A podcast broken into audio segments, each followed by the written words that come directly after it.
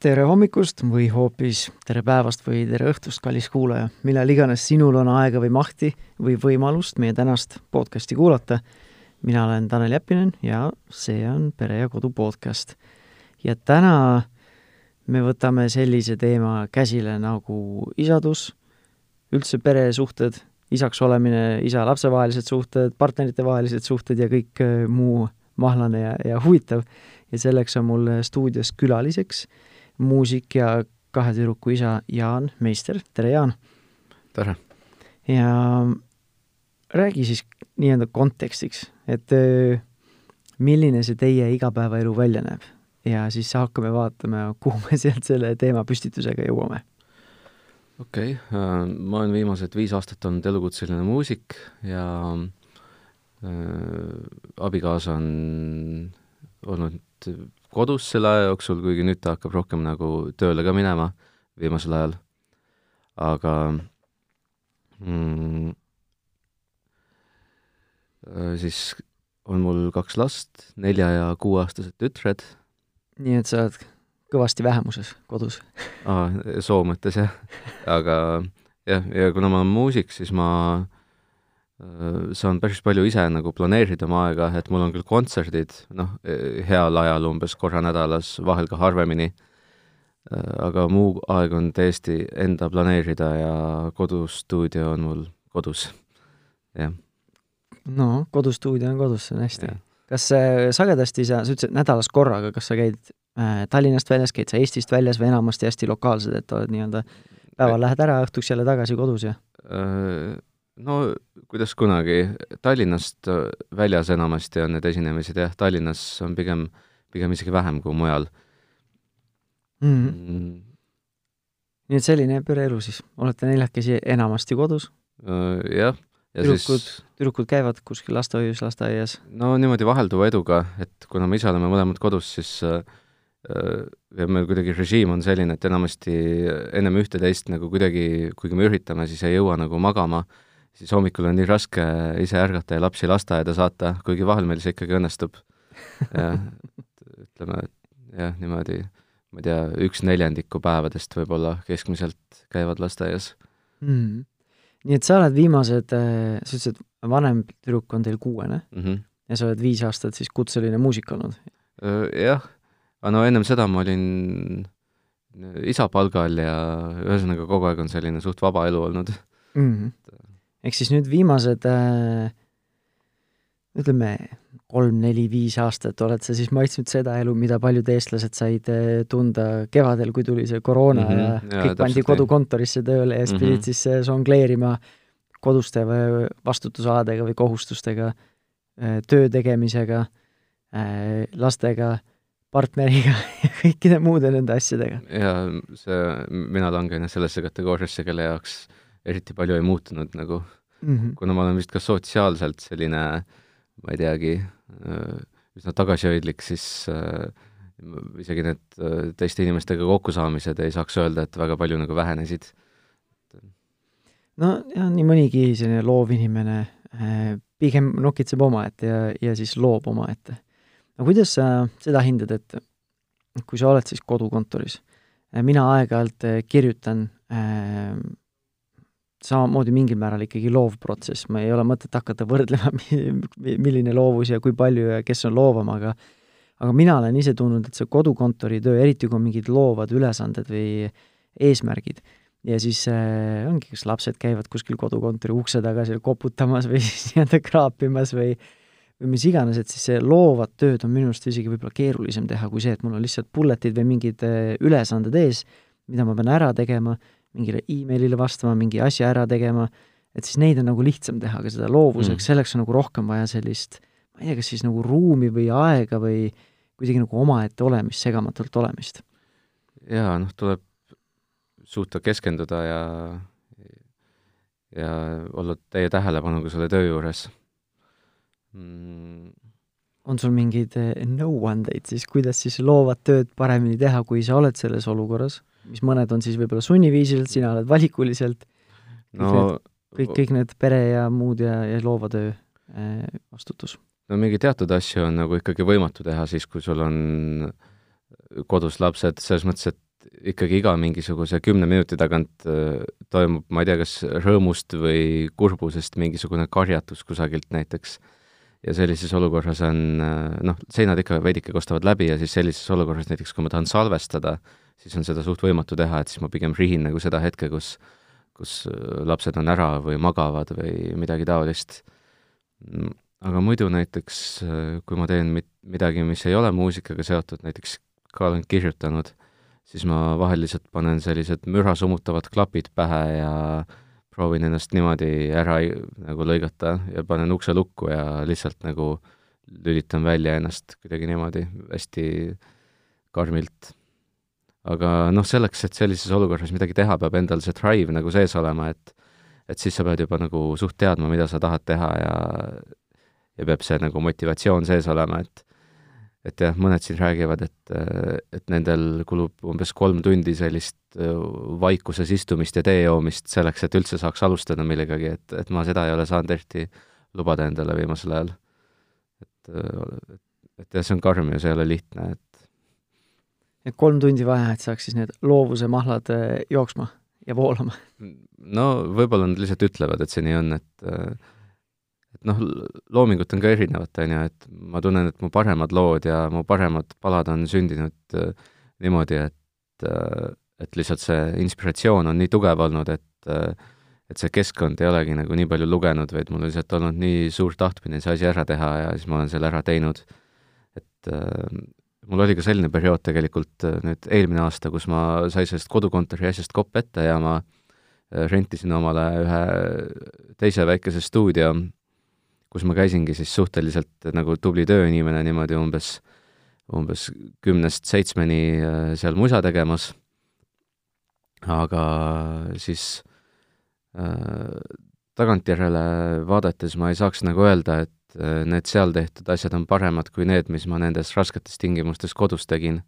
et seal oli küll hästi mugav, aga samas ma jäin ka natuke nagu selle mugavuse lõksu.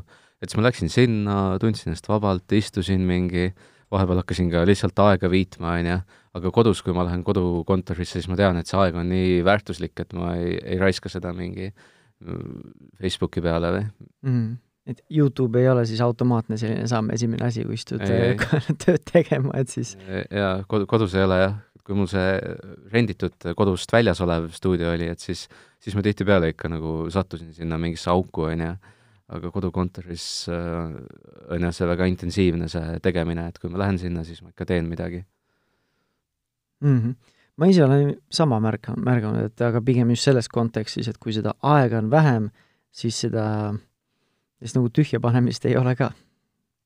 sest mm, lihtsalt võimalust ei ole panna, kui aega on rohkem, siis on seda võimalust nagu.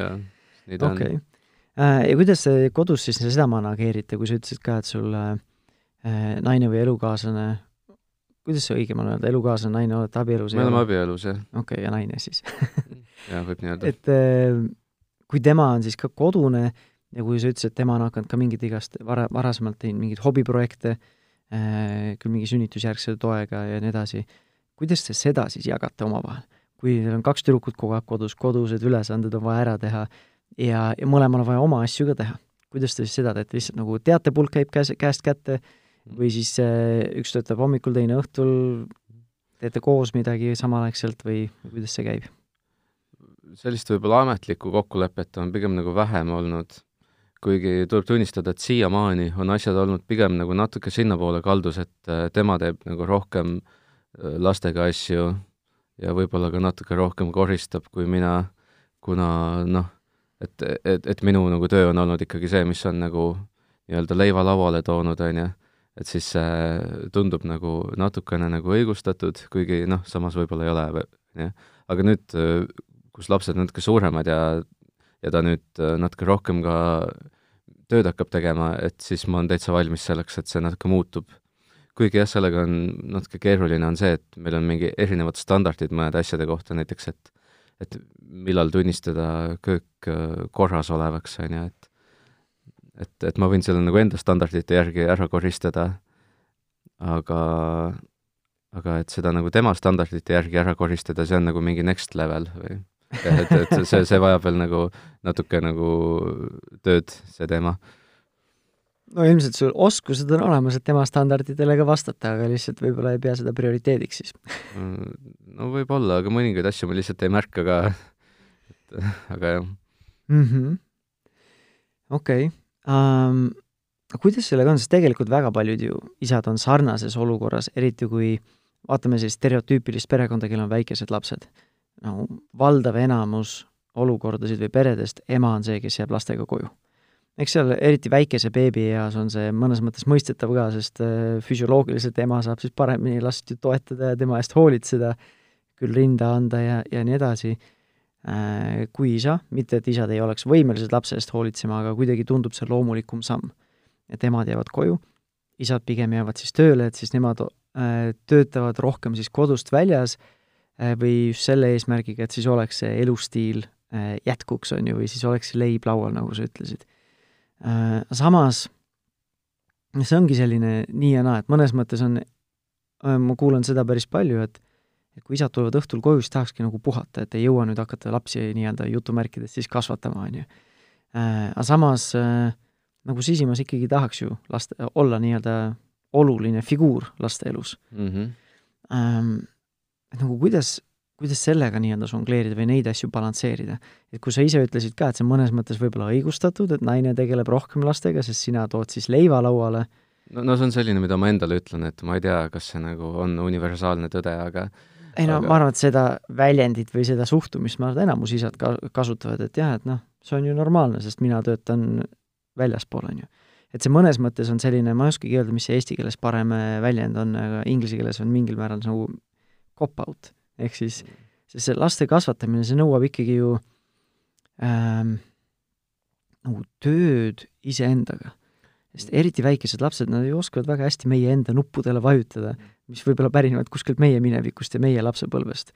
et see nõuab ikkagi nagu tööd ja vahepeal see ongi selline nagu aeg-ajalt võib-olla ebamugavust tekitav iseenda teemadega silmitsi seista, et siis on nagu hea öelda, et no naine tegeleb, mina teen seda, las siis naine tegeleb sellega rohkem nojah, kuigi äh, tuleb öelda, et äh, mis puutub nagu lastega mängimisse ja näiteks nende magama panemisse, siis seal ma küll nagu vähem ei tee kui tema, et äh, ma ei proovinudki sind välja kutsuda, et sa nüüd ei tee piisavalt, et vabandust, kui see niimoodi tundus. ei tundunud, noh, lihtsalt ütlen igaks juhuks, et, et ma ikkagi, ma arvan, et ma tegelen laste, lastega nagu veidike rohkem kui nagu keskmine pereisa, et kuna, kuna mul on see vaba aeg ja lapsed nagu oskavad väga hästi si-, äh, sind nagu kätte saada, et noh, see on hästi tavaline, et, et lähen stuudiost korraks, ma ei tea, kööki teed tegema või tualetti ja siis järgmisel hetkel olen juba osa mingist piraadimängust.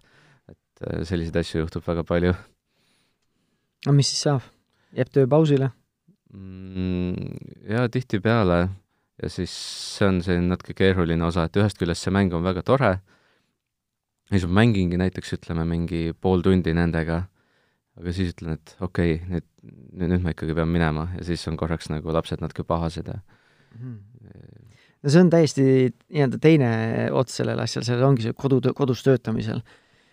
et äh, mitte seda, et isad ei tahaks lastega veeta aega, aga vahepeal see on nii-öelda keeruline, eriti kui isa oled väsinud ja lapsed on õhtul väsinud ja siis need emotsioonid on kergemini nii-öelda keema mm minemas. No aga just see kodukontori asi, mida sa välja tõid, ongi, see on jälle teine selline dilemma koht, et sa töötad kodust, sa peaksid tööd tegema, sa peaksid nii-öelda produktiivne olema. kui sa oled iseendale tööandja, siis mõnes mõttes isegi võib-olla rohkem pinget, sest sul ei ole see, et noh, ma ei tea, tiksun tunnid täis, ikka mingi palk tuleb ära.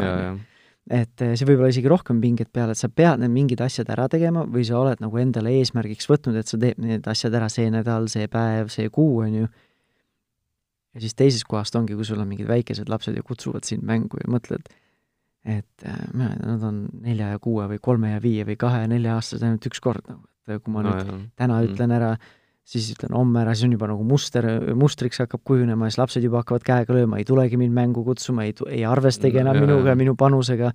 et see on ka selline reaalne dilemma, et kus siis nagu, et ku-, see ei ole nagu õiget ja valet vastust, aga kus endas selline ma ei tea, kas see rahu on õige, rahu leida või selline endas selline ikkagi nagu hea selline koht leida, et, et ma olen rahul ja ma olen happy sellega, mida ma teen. et ma olen lastega kontaktis, aga samas nagu ma ei saa ju, et ma olen produktiivne ka siis tööl, et kuidas sinul need väljakutsed on ja kuidas sina proovid nendega siis laveerida või siis nendega toime tulla? ma vist teen nagu tunde järgi, et et üldiselt ma ka olen mõelnud selle peale, et et peaks tõsiselt võtma seda, mida räägivad vanemad inimesed, et pigem nautige seda, kuniks lapsed on väikesed, et et hiljem nad ju ei tahagi midagi tegemist teha. näiteks üks mu vanem tuttav rääkis, et et tema mingi viieteistaastane helistas talle kusagilt peolt öösel kell üks, et tule mulle järgi, ja siis ta oli nii rõõmus, et jess, ta saab lapsele järgi minna ja temaga selle nelikümmend minti autos koos veeta. Et, et nii tore, et ma saan temaga koos aega veeta, et muidu enam üldse ei taha laps koos temaga olla. et, et jaa, ma pigem nagu ikkagi kaldun sinnapoole, et et töö võib kannatada küll, et ma ei ole selline maniak, et et see töö on nagu kõige tähtsam. ma isegi tegin ühe laulu nimega Kõrgel kaljunukil, mis räägib siis sellest, et küll on hea seal kõrgel kaljunukil olla, aga sellest kõrgest kaljunukist veel kõrgemal on ikkagi äh, lapsed, jah mm.. no teoorias on kõigil lihtne seda ju teha, aga kuidagi noh, ma ei tea, võib-olla loova inimesena sina ei suhestu sellega niimoodi, mina olen pikka aega töötanud äh, keskastme juhil müügivaldkonnas ja nii edasi, on alati on lihtsalt eesmärgid, eesmärgid, eesmärgid mm. kogu aeg, uus, see eesmärgi said kätte, paneme siis uue eesmärgi sellesse okay., kus saad veel kõrgemale jõuda. mul nii ei ole, mul on, mul on pigem pidev fail. Pidev, pigem pidev ebaõnnestumine, et äh, okei okay., no okei okay,, mitte päris, on ju, ikka mõned asjad lähevad hästi ka vahepeal, aga aga jah, ma olen kuidagi leppinud sellega, et ma olen täielik luuser asi ei olegi nii-öelda kas võitmises või nii-öelda kaotamises, mis iganes, finantsiliselt, tööalaselt, karjääris, aga pigem see, et see kuidagi ühiskond surub meid sinna, et kogu aeg on vaja pingutada, kogu aeg on vaja teha, ikka ei ole piisavalt, naabril on parem, ajakirjast näed, kellelgi teisel või kolmandal on parem mm. -hmm. et kogu aeg on vaja nagu tõmmelda, kogu aeg on vaja töötada äh,, isegi kui läheb hästi, siis on vaja veel rohkem töötada, et kuidagi, ma ei tea, tuleb see ühiskonnast, tuleb see kultuurist äh,, nii-öelda sellest läänelikkusest äh,, meediast, kust iganes, mingil määral tuleb see eneseteostusvajadus seest endal ka. aga selline nagu pidev edasisurumine ja mitte aja mahavõtmine, et see vahepeal, kui ma räägin meestega või isadega, siis see on ikkagi nagu reaalne väljakutse, et mm, nagu mhm. intellektuaalselt ma olen aru saanud, et jah mm, -hmm. kuule, võtame rahulikumalt, tegelikult ju söök on laual, katus on pea kohal, miks ei saaks nautida? aga siis kuskil hakkab nagu ikkagi sügelema, kui natukeseks võtad aja maha, noh. Mm, jaa, noh, minul on see peamiselt sellega, see sügelus, et et äkki ma nüüd teen ühe hästi hea laulu, mis on maailma parim laul, on ju, aga noh ma, ma arvan, et äh, mul on seda veidike vähem nagu kui sellel, sellel keskmisel saavutajal, et äh, et sa ja, ei ole saavutaja, sa oled looja või, ma ei, ma ei teagi, et äh, et, et, et pigem nagu oskan küll ikka, ikka rahulikult võtta. aga tuleb see loomulikult või oled sa ise nagu, nagu teadlikult äh, mingeid valikuid ja otsuseid teinud või? Äh, pigem vist tuleb üsna loomulikult, võib-olla kuskil nagu kahekümnendates sai nagu üsna palju äh, mingite äh, asjade üle järele mõeldud, võib-olla need äh, mõtted veidike mõjutavad tagantjärgi, aga viimasel ajal on see kõik nagu tulnud üsna loomulikult. Mm, kuigi jah, on ka olnud vaja ikka teadvustada endale seda, et, et aeg tuleb maha võtta, näiteks ma käin kevadeti lastega kummipaadi matkal, sellisel ka, ka, kaks ööd oleme telgis ja äh, noh, et näiteks sellised matkad ja käigud alati tuletavad meelde, et tegelikult ikkagi selline äh, täielik paus on ka ikkagi vajalik, mitte lihtsalt see, et sa võtad mingi pool tundi, et mängida vahepeal, vaid et selline korralik asi on ka vajalik. ma arvan, mõlemad on olulised. Mm, et üks on kindlasti. selline järjepidev, sest noh, iga päev sa ei lähe sinna matkale, on ju. Mhm. et see on selline kord aastas, kord kahe aasta jooksul, kord, paar korda aastas tegevus. et kui ma ainult neid teeksin, siis võib-olla sellest ka ei piisaks. jaa, jaa, muidugi et, et mõlemad on olulised mm. -hmm. aga on sul endal mingeid äh, mõtteid või soovitusi anda siis nendele, kellel see pea kogu aeg tormab ja kogu aeg on äh, mingi eesmärk, et kuidas siis no võtta vahepeal tšillimalt, et ei ole vaja nagu tõmmelda? no hmm. see tundub selline väga ambitsioonikas äh, küsimus olevat selles mõttes, et, et et mõnede inimeste kohta võib ju ka öelda, et see ongi hea, et nad sellised maniakid on, on ju, et muidu ei oleks meil äh, paljusid asju olemas, kui selliseid inimesi ei oleks maailmas. aga kui see on inimesel endal soov olla natuke vähem maniak, hmm, mida siis soovitada talle mm,? ma ei tea, teha LSD-d see oli väike nali, kuigi tõetera võib olla igas äh, naljas ka sees. või nagu võib ka öelda, et igas naljas on natuke nalja. Äh, anyway, ma, ma ei teagi, ma arvan, et siin ei ole mingit te... ühtset lahendust, et vaata, ilus on ja lihtne on tegelikult öelda, et kuule, aga ole lihtsalt, istu lastega maha mm -hmm. ja mhm. ole kohal, ole laste -hmm. maailmas, on ju. Mhm. aga siis see mees nagu vaatab otsa või see naine, kes on, ongi nagu ainult karjääri võib-olla teinud, kes nagu, nagu ma ei suuda ju istungi viis minutit juba igav, nagu ma ei suudagi nagu minna sinna lapse maailma mm.. et äh, nagu lihtne on jälle soovitada, aga kuidas nagu tegelikult neid asju teha. et ma ise tunnengi, et sagedasti noh, ma olen ise selles rollis olnud, et ajanud seda Ameerika unistust taga, nii et töötad kaheksakümmend tundi nädalas mm. äh,, sest noh, come on, raha tuleb teenida ju, mida nooremana raha teenid, seda rohkem saab raha sinu jaoks teenida, sind teenida ja nii edasi, et et kõik nii-öelda need sõnumid on ju, suruvad järjest rohkem pingutama, tegema, selle asemel, et nii-öelda olla kohal ja lihtsalt vaadata ringi, mis toimub. minust läksid nad kuidagi mööda mingil kombel aga jaa, mõistan. et siis äh, ma nagu tunnengi, et väga sagedasti jääb selle tõttu, millest jääb, jääb nagu puudu, ongi iseendaga olemise ajast. Mm.. et sa olla ise kontaktis iseendaga, sest väga raske on olla kontaktis teise inimesega, kui sul puudub endaga kontakt. Et no, nagu seda kontakti kohtagi nagu ei ole, on ju, kellega teisega siis nii-öelda kontakti astuda. Mm.. Ja, ma olen nagu avastanud, et äh, päris põnev ja päris äge ongi minnagi näiteks metsa jalutama niimoodi, et ei võta telefoni kaasa mm. -hmm. sest kui telefon tuleb kaasa, siis lähevad kõrvaklapid kõrva, kuulad podcast'i, kuulad muusikat, sul on mingi sisend kellegi mm -hmm. teise ja, ja. meelest, kelle, kellegi teise meelelt on sul mingi sisend alati sinu meelde. Äh, või, või mõistusesse või alateadvusse või kus iganes, aga siis oledki oledki omaette.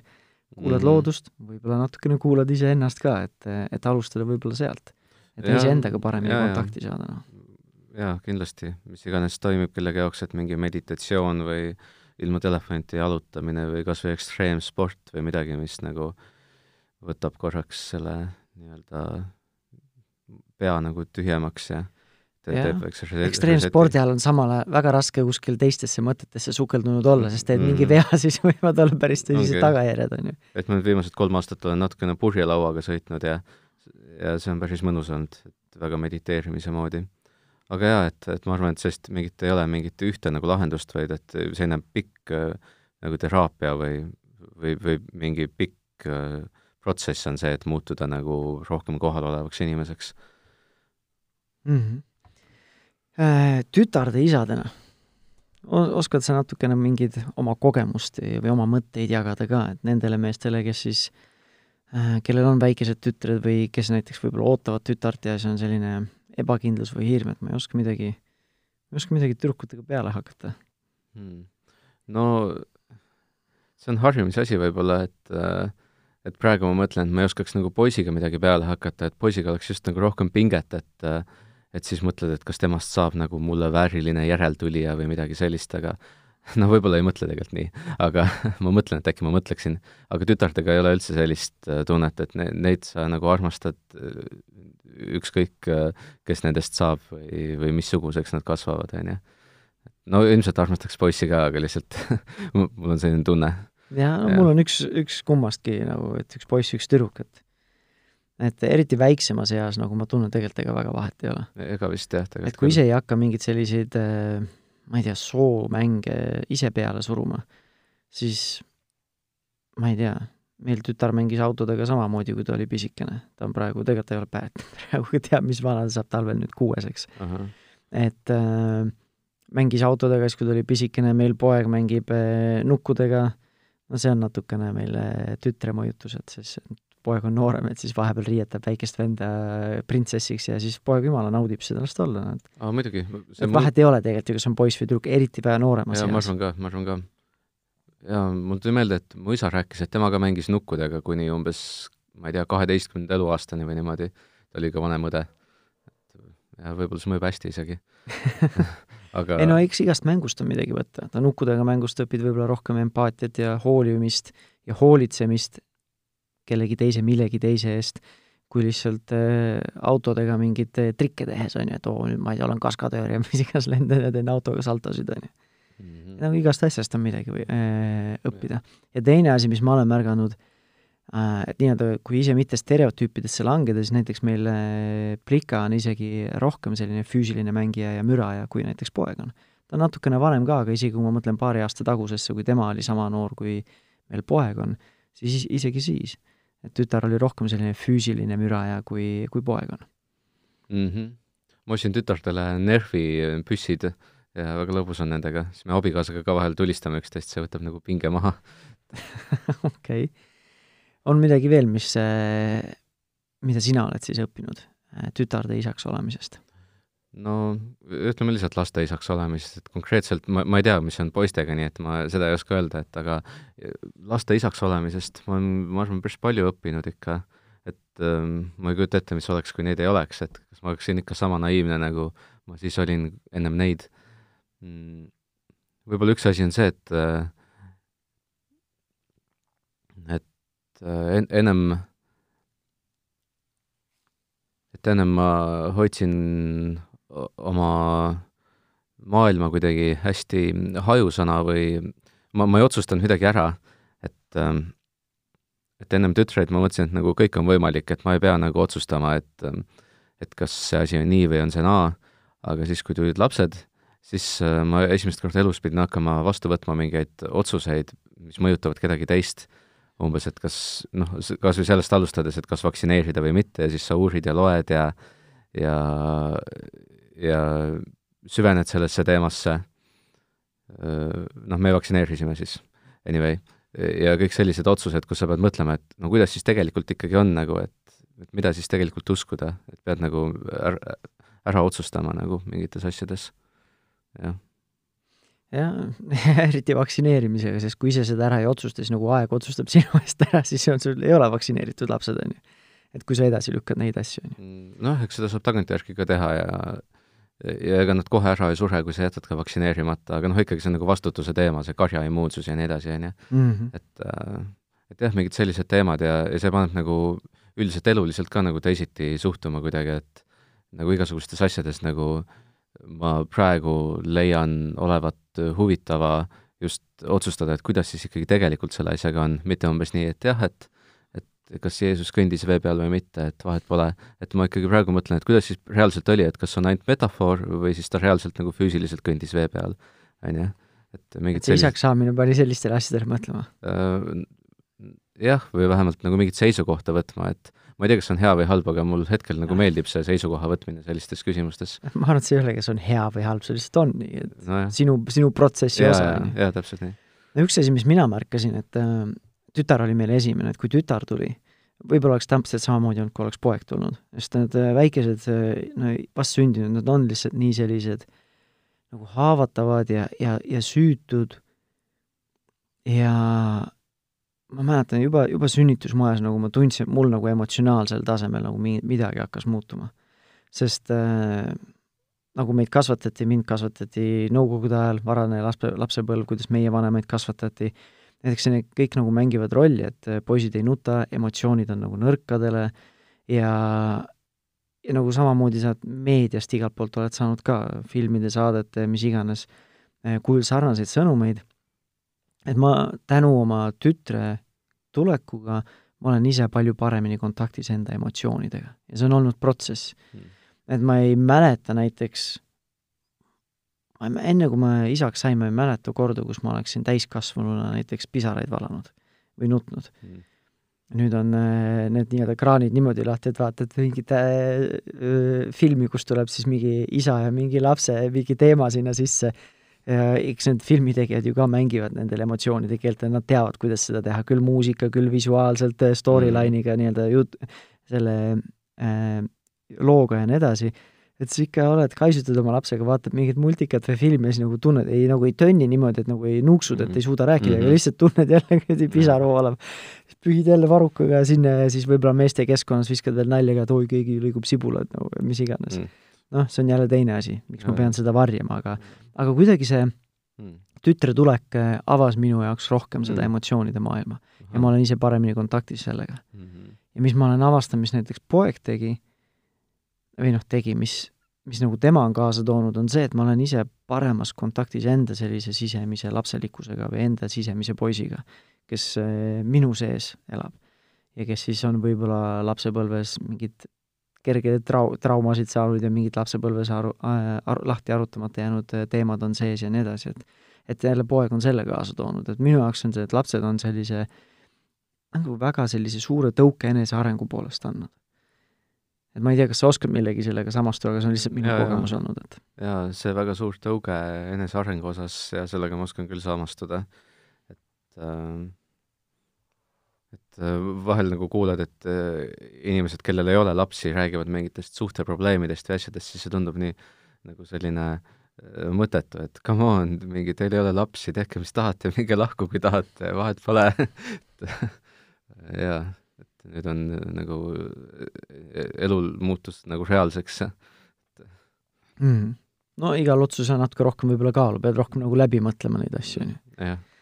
kui sa nüüd selle käiguvahetuse juba tegid, siis liigume sinna paarisuhte poole peale, sest ja, äh, ega see noh, kui kuulata lapsevanemaid, siis äh, ega see lapsevanema roll äh, sagedasti ei ole võib-olla äh, kõige soosivam paarisuhte nii-öelda sellisele õnnelikkusele, eriti kui autopiloodil funktsioneerida. et kui neid eh, oli vaja siis sellist suurt armastust, et lapsed siia ilma tuua, siis eh, sagedasti eh, need lapsed on siis noh, võib-olla üle dramatiseerides, võivad saada siis hukatuseks sellele suurele armastusele, on ju. et et selle jaoks tuleb ka nagu vaev, ma ei tea, kas vaeva näha on õige, on, miks me peame alati vaeva nägema, aga selle jaoks tuleb teadlikult tegutseda et siis seda paarisuhet hoida. kuidas teie selline nagu teekond on olnud, on nagu alati siletee olnud, on selline Ameerika mäed olnud või selline ülesmäge või allamäge eh, teekond või kuidas teil see? ja pigem ikka Ameerika mäed ja kindlasti.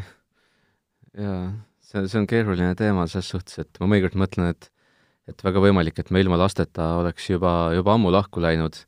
ja selles mõttes nagu isegi äh, kas ilma lasteta üldse või kui suhtes oleksid samad väljakutsed olnud ja ei oleks lapsi? no ongi, et see teebki keeruliseks, seda, seda, seda ei tea tegelikult, mis väljakutsed siis oleksid olnud, et kas siis oleks olnud mingid muud väljakutsed või lihtsalt oleks ära tüdinenud üksteisest ja lahku läinud, et et mõnes mõttes kui niimoodi vaadata, siis võib öeldagi, et need lapsed nagu just nagu hoidsid meid koos piisavalt kaua selleks, et me üksteist nagu korralikult tundma õpiksime, et muidu võib-olla oleks juba ennem lahku läinud.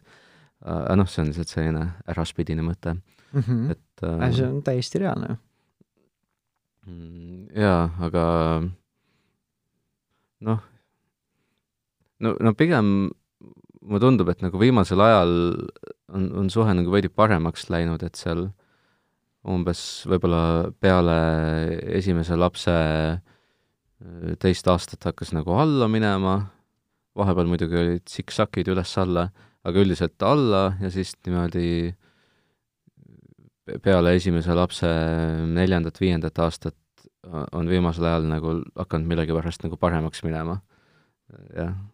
Huvitav, et seda välja tood, sest äh, USA-s tegutsev Gottman instituut, kes uurib siis paarisuhteid ja abielusid. Mm siis nemad on äh, samamoodi selle välja toonud, et äh, lapse esimese kahe eluaasta jooksul siis see paari suh-, rahulolu paari suhte, äh, suhtes siis või paari suhte kohta või kuidas iganes öelda, langeb ja siis saavutabki selle põhja kuskil seal teise eluaasta jooksul lapsel mm. -hmm ja kui nüüd lapsi järjest saada, siis nii-öelda paneb uuesti nii-öelda juurde see kaks aastat jälle ja kaks mm. aastat jälle mm. ja siis see, nagu see sügavus läheb ka sügavamaks, kui tuleb lapsi juurde mm.. ehk siis see, kui te, sa ütlesid, et teil on kuue- ja nelja-aastased, siis on selline väga sage selline vanusevahe, mis tuleb sellest vanemahüvitise sellest äh, nii-öelda ah, kavast, mis varasemalt oli, et nagu vanemahüvitis jätkub. seda enam ei ole või? Aga ma ka täpselt ei tea okay. siis, et ongi vanemahüvitis nagu jätkub ja niikuinii, kui me tahaksime rohkem lapsi saada ja samas nagu räägitakse ka, kui lapsed on sarnases vanuses, et siis äh, hiljem saavad koos mängida, aga teeme siis teise ka, aga samas nagu nii palju paare, keda ma tean, kellel on lapsed siis äh, umbes kahe aasta vanused, see on päris suur väljakutse. sest sa hakkad just nagu sealt välja tulema ja siis tuleb uus laps ja siis lähed uuesti ja see nagu pikendab seda aega. ma mäletan, meil on samamoodi, kaks aastat, kolm kuud on laste vanusevahe ja mu naine siiamaani nagu ütleb, et et ta nagu just hakkas vee peale tulema, hakkas uuesti nagu neid värve nägema ja nagu nautima seda elu ja siis, siis jäime mingil määral võib-olla oli hormoonid ka üles ja siis ma vahepeal ei kasutanud rasestusvastaseid vahendeid. ja siis jäime teise lapsega rasedaks nagu, et siis see, see nagu üürike oli see aeg ja siis ta mm. tuli jälle maa, nii-öelda maa peale tagasi ja noh, ta on mõlemal, mõlemal korral kogenud ka sünnitusjärgset depressiooni mm..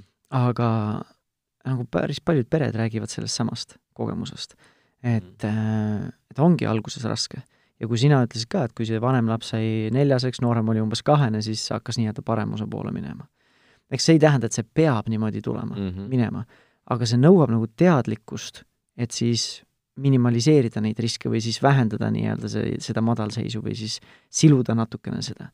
et minul näiteks, mul ei olnud ühtegi tuttavat, kes ütles, et näed, tee, räägi nendest teemadest veel enne, kui vanemateks saate või siis et siin on viis, kuidas sa saad siis oma suhet nii-öelda laste kindlaks teha, et siis ei tuleks seda orgu sinna vahele ja nii edasi, et et see, nendest ei räägitud. oma vanemad ei räägi, koolis ei räägitud, väga palju meedias ei räägita nendest asjadest, et kui räägitakse, siis räägitakse sellest, et ah, jälle ma ei tea, suhe on kehva mingi õlleklaasi taga, on ju. aga kas selline asi on reaalne, et on nagu erinevad inimesed, et äh, ühed, kes suudavad neid äh, soovitusi järgida ja teised, kes ei suuda, sest mul on mõnikord tunne, et äh, ma tean küll igasuguseid nippe ja ma olen kuulnud ja lugenud, on ju, aga, aga mul lihtsalt ei ole üldse enesedistsipliini ja veel vähem on meil seda nagu koos abikaasaga üheskoos, et, et nagu midagi niimoodi reaalselt metoodiliselt nagu teha oma suhtega. et meil on kuidagi olnud lihtsalt nagu kulgemine või, või ma ei tea.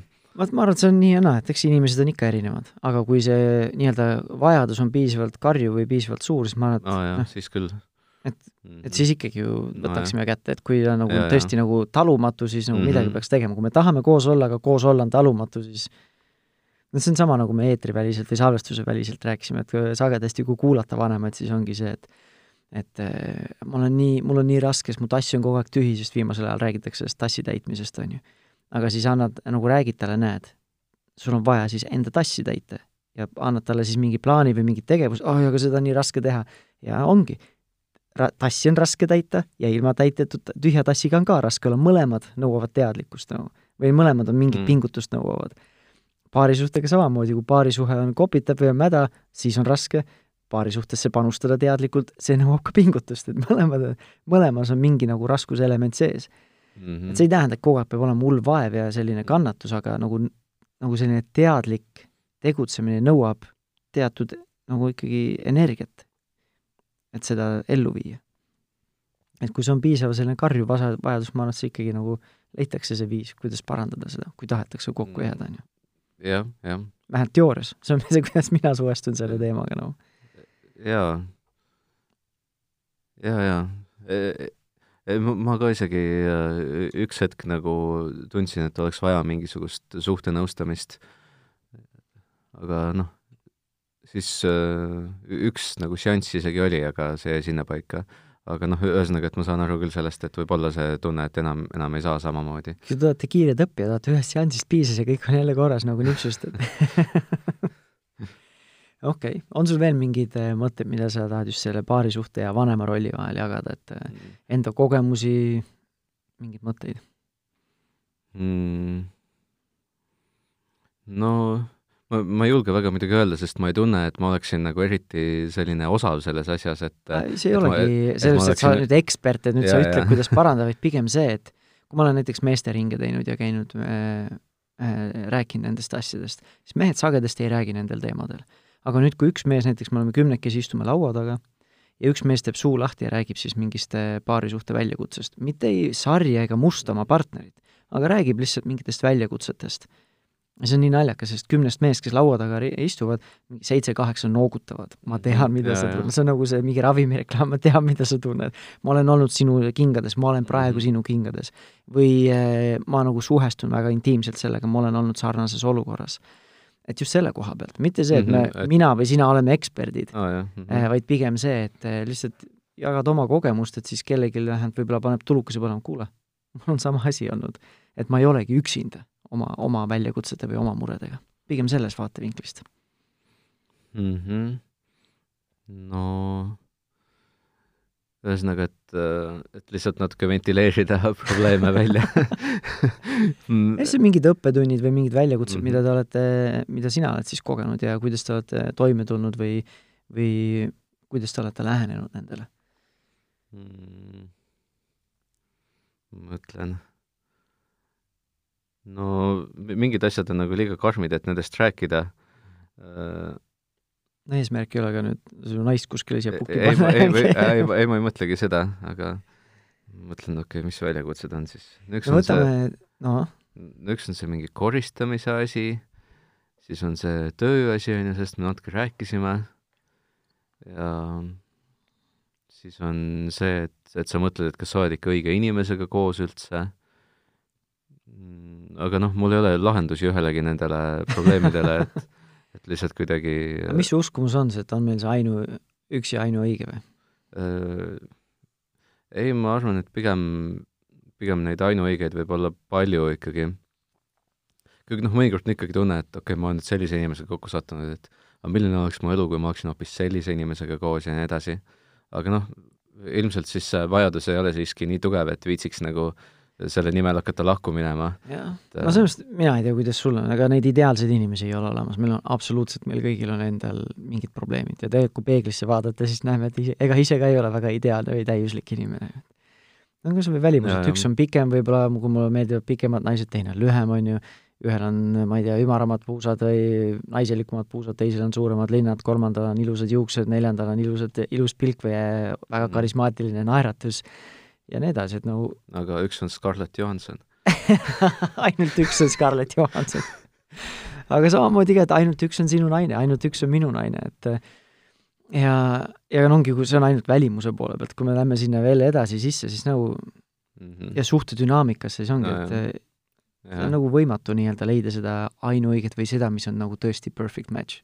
ja seda muidugi meil kõigil on mingid, mingid teemad püsti. ja, ja seda kipub aeg-ajalt unustama aga mis on nagu äge, on, on see, et kui nagu jõuda kuskile sinna kohta, kus me areneme koos, me nagu teadvustame mingeid puudujääke, me teadvustame mingeid kitsaskohti suhtes indiviididena ja me nagu töötame selle kallal, et olla parem, mina töötan sellega, et olla parem meesterahvas, abikaasa, ja, ja et me töötame ka ühiselt selle kallal, et olla siis parem see nii-öelda paariüksus, olla parem siis äh, noh, nii-öelda armad, armastajate nii-öelda paar, aga ka näiteks paarina nii-öelda lapsevanematena. et me oleme siis eeskujuks oma lastele kas või sellega, et kuidas me lugupidavalt teineteisega suhtleme, suhtleme. et see on see. kuidas tead... siis nii-öelda lugupidamine välja näeb äh,, mitte siis see, et paneme üksteisele ainult puid alla ja siis nad arvavadki, et see on normaalne, see ongi normaalne, minu tütar vaatab, et see on normaalne mees, kes mm -hmm. sind vahepeal alavääristab mm. -hmm. jaa, täitsa nõus, täitsa nõus aga noh, ega see ka ei ole lihtne alati no,. et see ongi no, pidev, pidev teekond nagu no nagu kõikide muude asjade elus ka, et, et see teadmine, mida peaks tegema versus see, et mida me reaalselt suudame teha, ei ole alati sama. aga noh, jaa, muidugi maksab olla ju parem ikka. nii on, aga kui meil nüüd hakkab see aeg otsa saama, eks nendest suhetest võiks vist enamus inimestega jäädagi rääkima, sest äh, see on selline äh, palju ainest andev valdkond ja, ja temaatika. aga enne, kui me nüüd äh, siis joone alla tõmbame, siis räägi, mis, millega sa siis praegu tegeled, muusikuna äh,, ma ei tea, isana, partnerina, mis sul siis nii-öelda laua peal on parasjagu mm.? no isana ja partnerina ma ei tea, lasen universumil ennast juhtida, et vaatan, mis järgmisena tuleb ja siis äh, tegelen sellega ähm, muusikuna hetkel on üks väike instrumentaalne lühike album valmimas, novembris peaks välja tulema ja muusikavideo tuleb ka koos sellega novembris. ja see ongi hetkel põhiline, et ega kontserte siin koroona äh, laadsel ajal väga palju ei ole. koroona laadsel ajal no kevadel oli see päris koroonaaeg, nüüd on see midagi kah, kus nagu justkui kohanemise võik, koht nagu no.. justkui võiks teha kontserte, aga noh, ei tehta eriti, kuna kunagi ei tea, kas keegi kohale tuleb ja nii edasi. et äh, jah mm.. okei okay., kuidas keegi äh, sind üles leiab internetiavarustes? no ma olen igal pool, Instagramis, Facebookis, Meister Jaan. Meister Jaan, väga lihtne, nagu nimigi. jah, see on mul selline naljanimi, et äh, kunagi kaheteistaastasena võtsin endale irooniliselt peale mängus kaotamist. okei okay. no selge, aga, aga suur aitäh sulle, et sa võtsid aega, et täna siia loobisema tulla. jaa, ei, tore oli. Ja kuulaja sulle käest, täna oli külaliseks Jaan Meister ja selleks korraks ongi siis kõik. ja nagu ikka, kui tänane podcast äh, läks sulle korda või oli huvitav kuulata, siis äh, meil on nii-öelda arhiivis äh, juba üle, julgelt üle saja podcasti, nii et osades räägime paarisuhetest, räägime lastest, räägime laste kasvatamisest ja kõigest muust, mis sinna vahele mahub. ja sa leiad kõik need varasemad podcastid nii oma nutitelefoni podcasti rakendusest või äpist kui ka Spotify'st ja Delfi ning Pere ja Kodu veebiväljaannetest ja kui sa oled juba suur podcastide kuulaja, siis kindlasti kuula ka minu sooloprojekti Rahumeelse vanemluse podcast, mille leiad samu, samamoodi oma nutitelefonist. aga selleks korraks kõik ja järgmise korrani, tšau!